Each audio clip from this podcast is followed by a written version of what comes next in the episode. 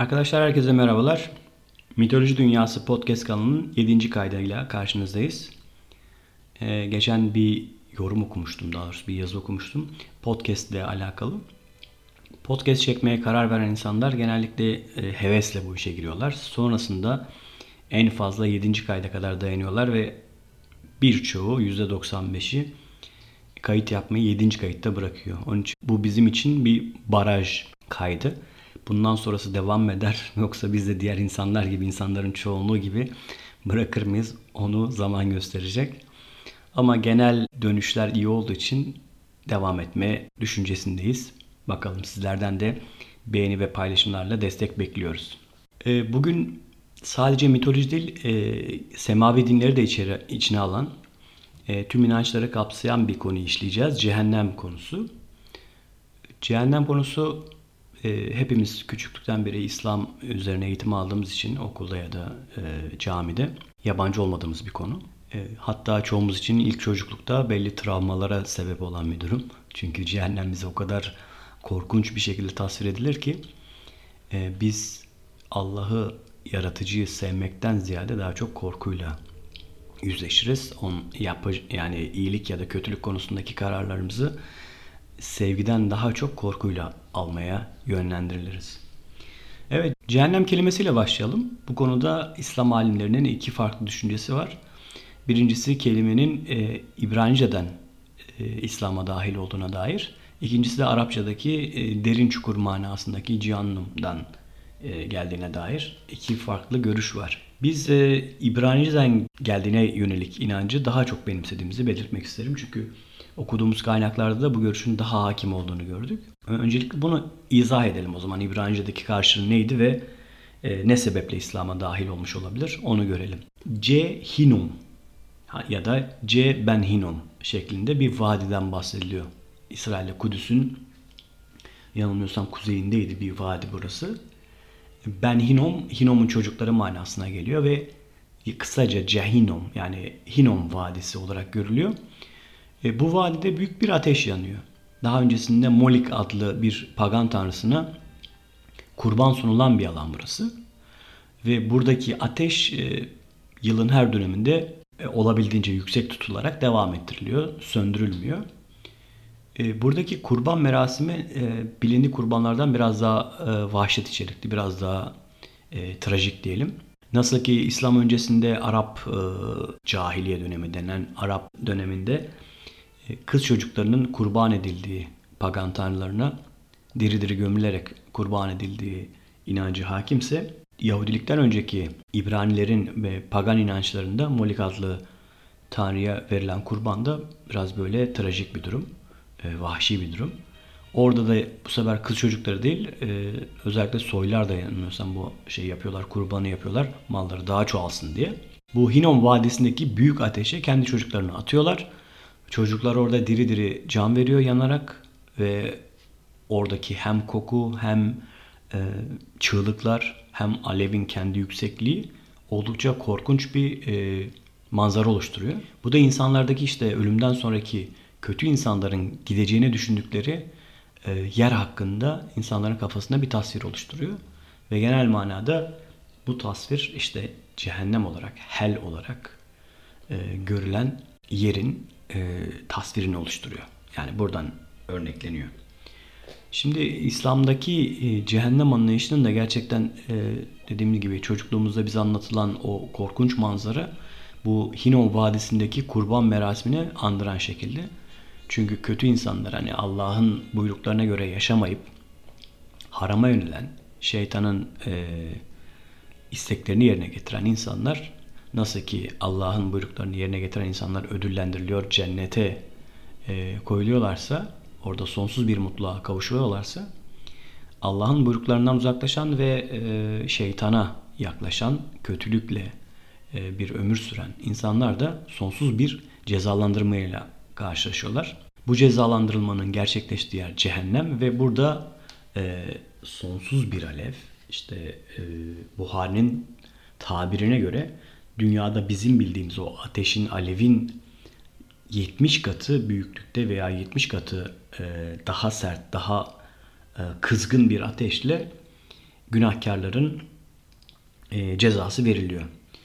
Ve öyle bir ceza ki işte o ateşe atıldığınızda işte nasıl ki deriniz, iç organlarınız eriyip kemiklerinize yapışıyorsa bir kül haline geliyorsanız ertesi gün tekrar bedeniniz bir önceki günkü gibi sapasağlam yerine geliyor ve aynı acıyı tekrar yaşıyorsunuz ve bu döngü her gün başlangıcında devam ediyor. Yani sonsuz bir acı döngüsü, sonsuz bir cezalandırma döngüsü. Burada Buhari'nin cehenneme giden normalde e, iyi olduğu düşünülen ama sonrasında cehenneme giden insanla ilgili bir tasviri var. O da bizim cehennem gözümüzdeki canlandırmak için uygun olur diye buradan aktarmak istiyorum. Kıyamet günü bir kimse getirilip cehenneme atılır. Cehennemde iç organları dışarı fırlar. Eşeğin değirmen taşını dönderdiği gibi dolanır. Cehennemlikler başına toplanıp ''Ey falanca kimse senin bu durumun nedir? Bize iyiliği emredip kötülüğü yasaklamaz mıydın?'' derler. O da ''Ben size iyiliği emrederdim ama kendim yapmazdım. Size kötülüğü yasaklardım ama kendim yapardım der. Yani diğer cehennemliklerle birlikte burada sanıyorum şey bu bir hoca olsa gerek ya da bir alem vesaire. E, normalde iyi olduğu sanılan bir insan. O da cehennem atılıyor ve diğerleri gibi oradaki işte e, iç organlarının dolanması tasviri falan e, olayın korkunç boyutunu biraz daha e, katlandırmış diyelim. Evet İslam'da böyle bir anlayış var. Zaten hepinizin bildiği bir durum.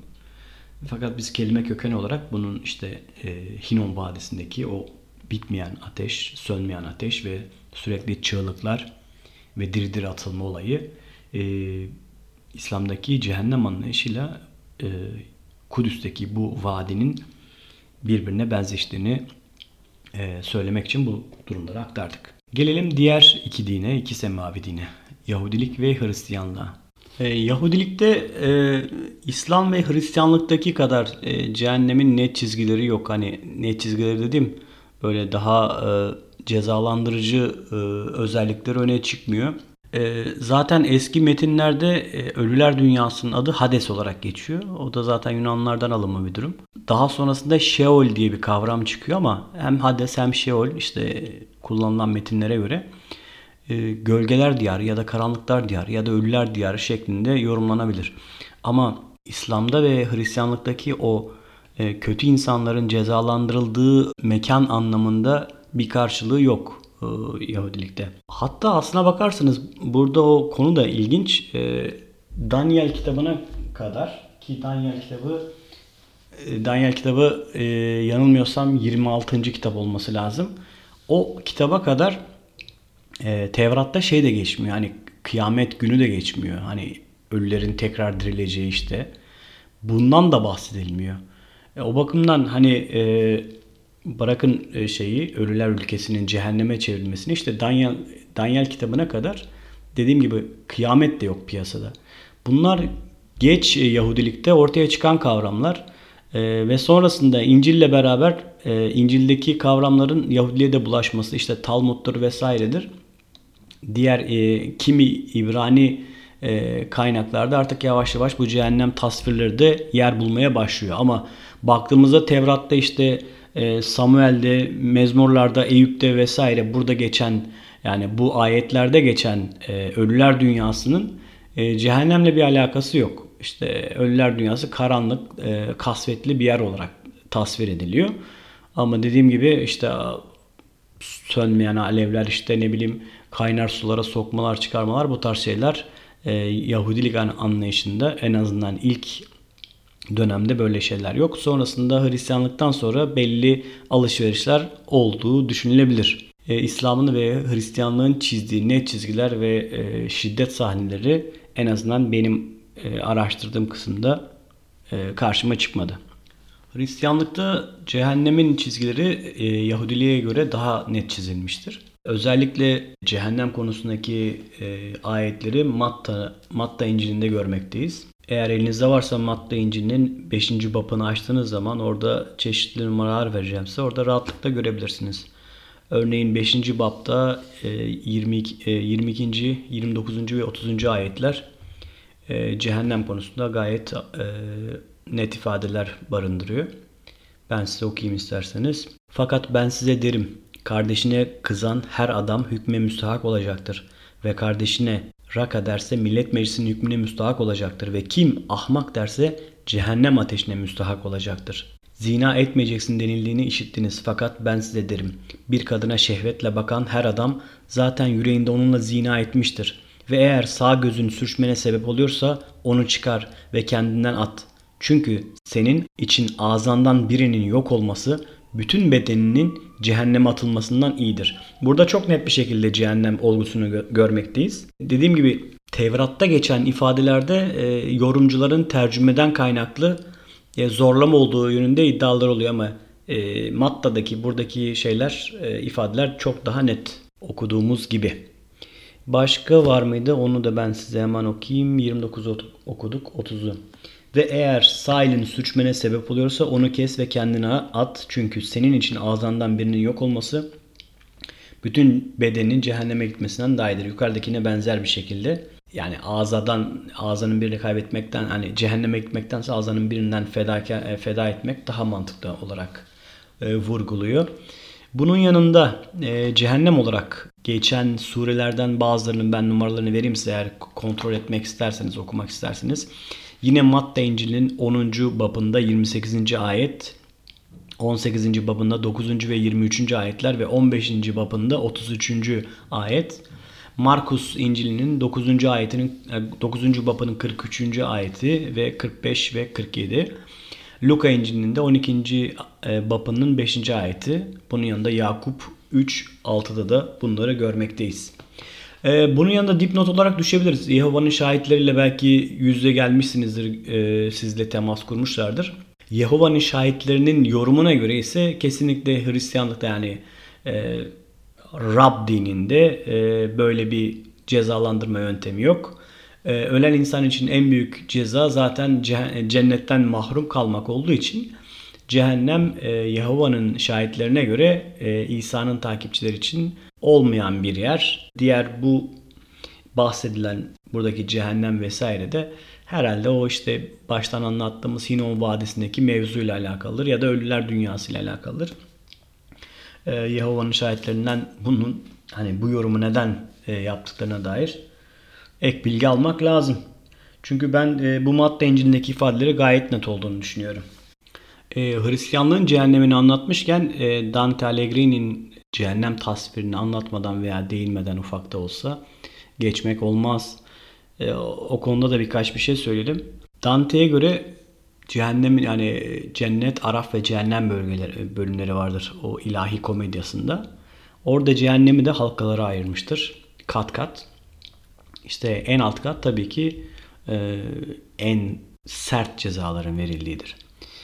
Dante'ye göre birinci halka Lemmus'tur. Birinci halkada aslında kötü insanlar değillerdir ama imansızdırlar. O yüzden birinci halkada dururlar. Ve diğerlerine göre daha iyi imkanlara sahiptirler. En azından diğerleri kadar vahim değildir durumları. İkinci halkada bulunan e, şehvet kurbanlarıdır. İşte e, zina vesaire bu tarz suçlara yeltenenlerdir. Üçüncü halka aç gözlüktür. Bu halka ihtiyacından fazlasına göz koyanların, işte doymak bilmeyenlerin, bir nevi aslına bakarsanız zenginlerin halkasıdır. Dördüncü halka cimrilik ve savurganlık. E, Tanrı cimri olmayı da e, tasvip etmez, savurgan olmayı da tasvip etmez. Tutumlu olmayı ve e, elindekileri paylaşmayı telkin eder. E, beşinci halka öfkedir. Öfkesine yenik düşenlerin bulunduğu halkadır. Bunlar katiller, zorbalar vesaire buradadırlar.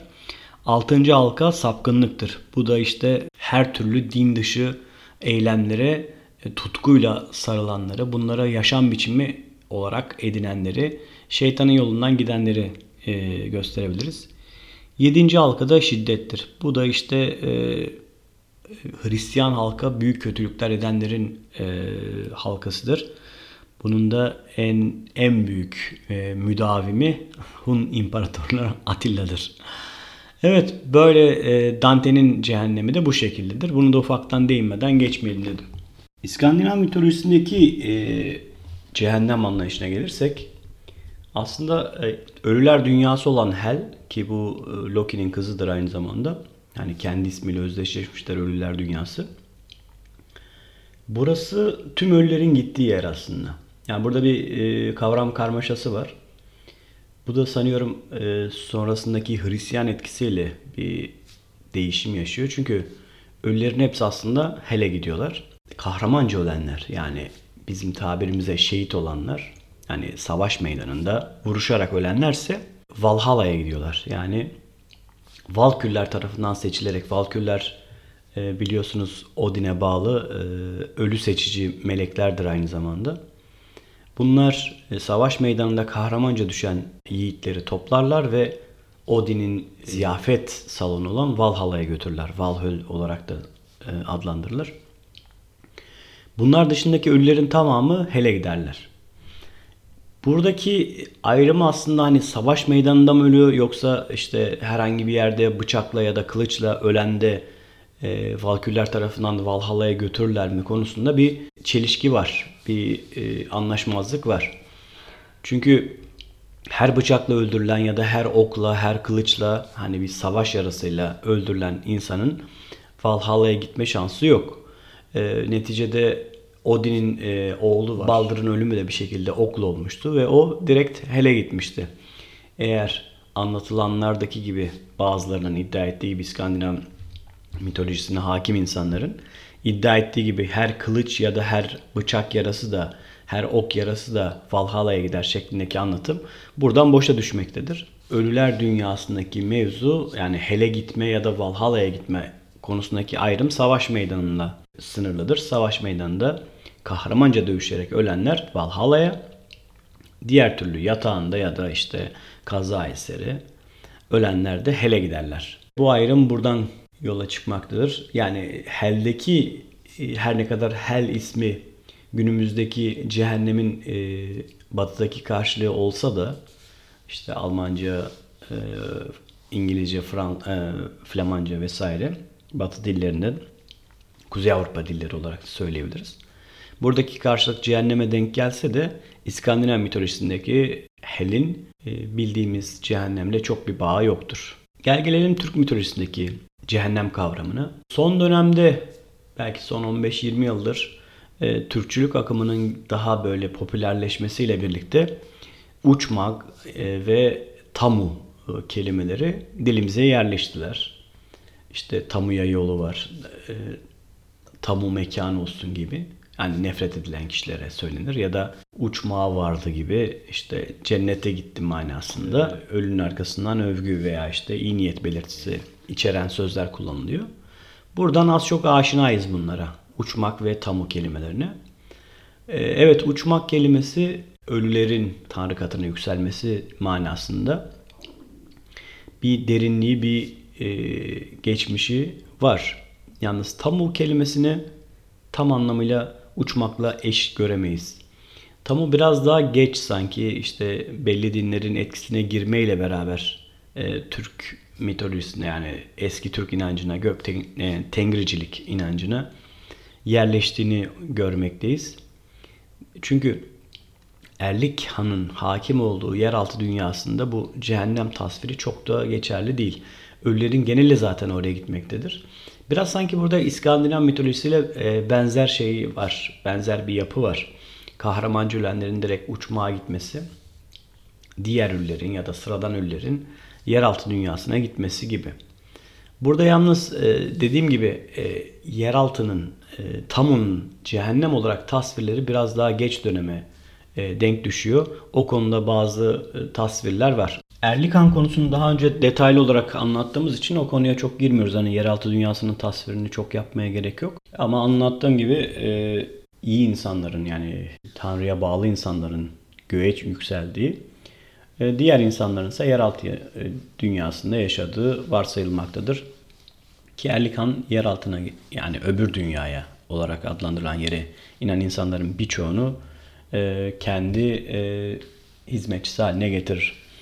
Bu konuda da e, bazı Türkologların Anohin ve Unuharva'nın öne sürdüğü gibi e, daha doğrusu iddiasına göre e, çoğu şey daha sonrasında cehennem tasviri tarzı, tamu tarzı tasvirler e, semavi dinlerden girmiş olmasına karşın e, özellikle cennet tasvirinin yani göğe yükselmenin Tanrı katında kıymetli insanların göğe yükselmesinin e, Türklere ait kendi has inanışları olduğu düşünülmektedir ki e, özellikle yazıtlarda geçen uçmak kelimesi bize bunu doğrulamaktadır. Bu iddianın e, doğru olduğuna yönelik sağlam delillerdendir. Yunan mitolojisindeki karşına gelecek olursak Yunan mitolojisinde biliyorsunuz yeraltı dünyasının ölüler dünyası olarak anılan dünyanın sahibi e, hakimi Hades'tir. Hades konusunu detaylıca işlemiştik. Hani dünya dünyanın üçe bölündüğünü, üç parça halinde işte e, gökyüzü ve yeryüzü, denizler dünyası ve yeraltı olarak. E, yer, bu paylaşımda yeraltı dünyası yani ölüler dünyası Hades'in payına düşmüştü. E, ve fakat ölüler dünyasını komple bir cehennem olarak düşünmek e, yanlış olur. Ölüler dünyası da e, üç ayrı bölümden oluşmaktadır. Bunlar Asphodel, Tartarus ve Elysium olarak geçiyor. E, bizi ilgilendiren bölüm cehennem işlediğimiz için burada en yakın bölüm Tartarus. Tabi Tartarus'u yorum olarak komple sanki ölüler dünyası olarak algılayan bir anlayış var. Bu anlayış yanlış bir anlayış.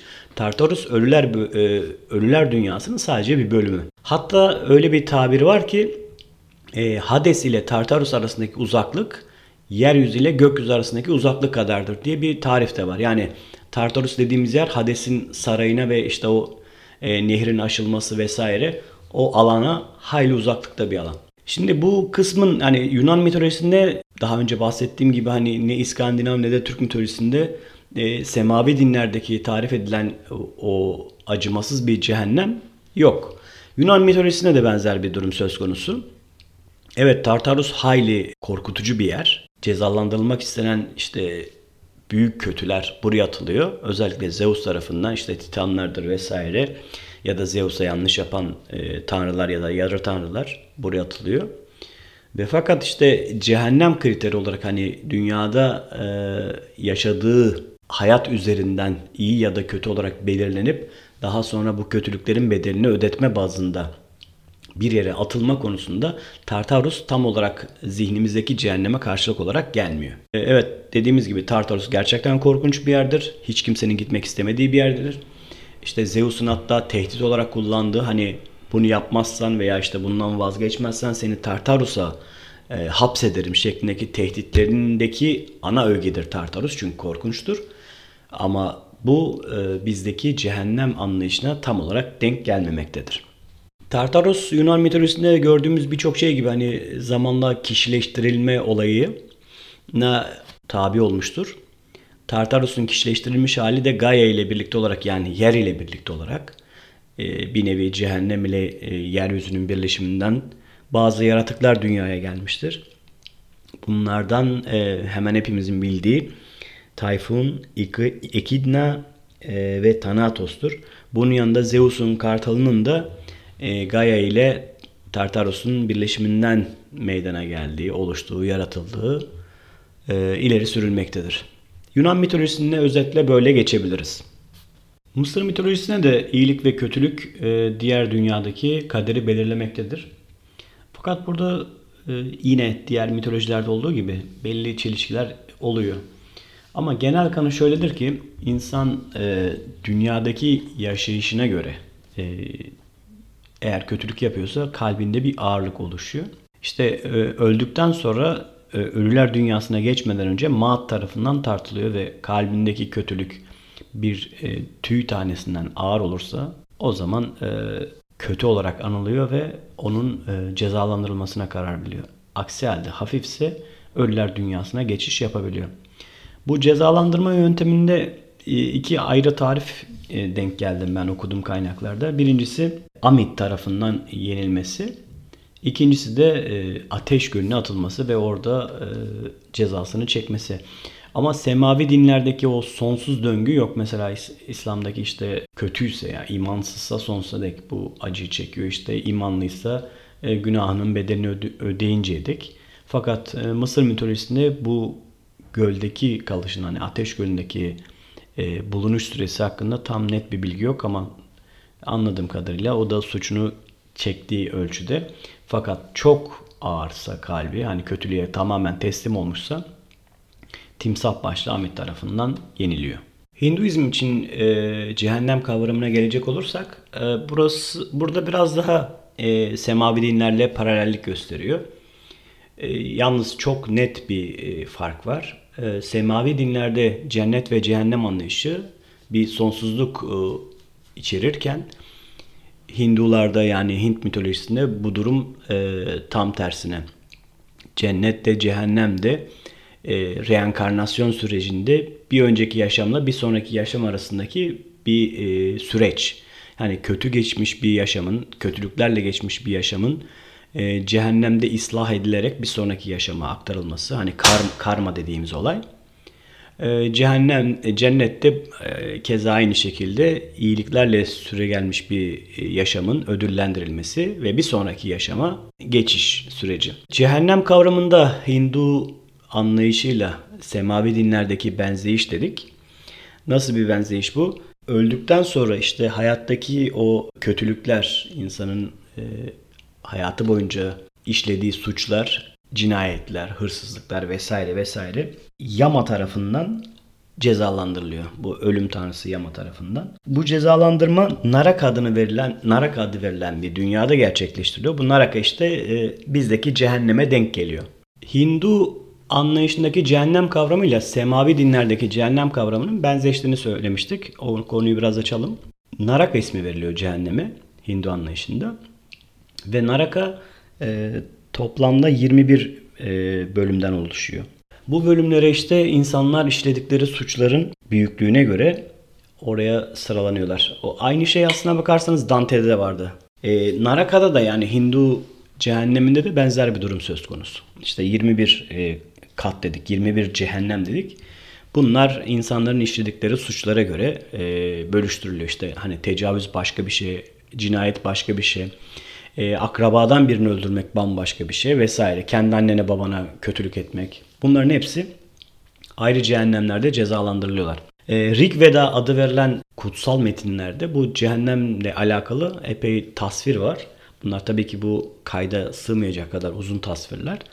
Ama özetle e, bu cehennemde e, belli işkencelerden bahsediliyor.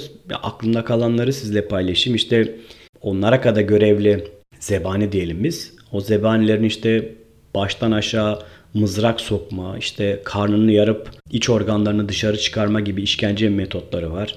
E, baş aşağı ateşe sokma, işte kaynar suya tüm bedenini sokma gibi. Sonra ayaklarından asıp altında ateş yakma gibi böyle e, korkunç tasvirler var. Hani cezalandırma yöntemleri var. Bildiğiniz işkence yani. Bunlar e, Naraka'nın ne kadar korkunç bir yer olduğu hakkında kese fikir veriyor. E, başta da belirttiğim gibi hani Naraka'da kalış sonsuz değil. Bu sadece işte reenkarnasyon sürecinde bir bölüm. Bu bölüm işte bir önceki yaşamdaki sıkıntılı dönemin veya işte e, tanrıların buyruklarına karşı gelinen dönemin bedeli yani karma dediğimiz olay. Zaten Hindu anlayışında böyle hani insanların dünyadaki iyilik ya da kötülüğü işte cehenneme ya da cennete ulaşmak için değil e, sonsuza yani o e, yaratana ulaşmak için hani hepsinin tüm insanlığın hatta insanlığın değil tüm yaratılmışların tek bir varlıktan e, o, e, meydana geldiği ve sonunda hepsinin tekrar o varlığa döneceği inanılmakta. E, bu bağlamda cennet ve cehennem kavramının semavi dinlerdeki e, karşılığıyla kıyaslamamak gerekiyor. Fars mitolojisine gelecek olursak, Fars mitolojisindeki cehennemin karşılığı düzeytir kelime olarak.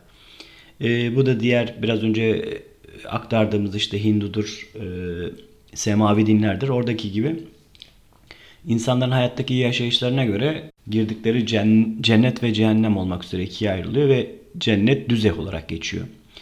Düzeh e, dört ayrı bölümden oluşuyor.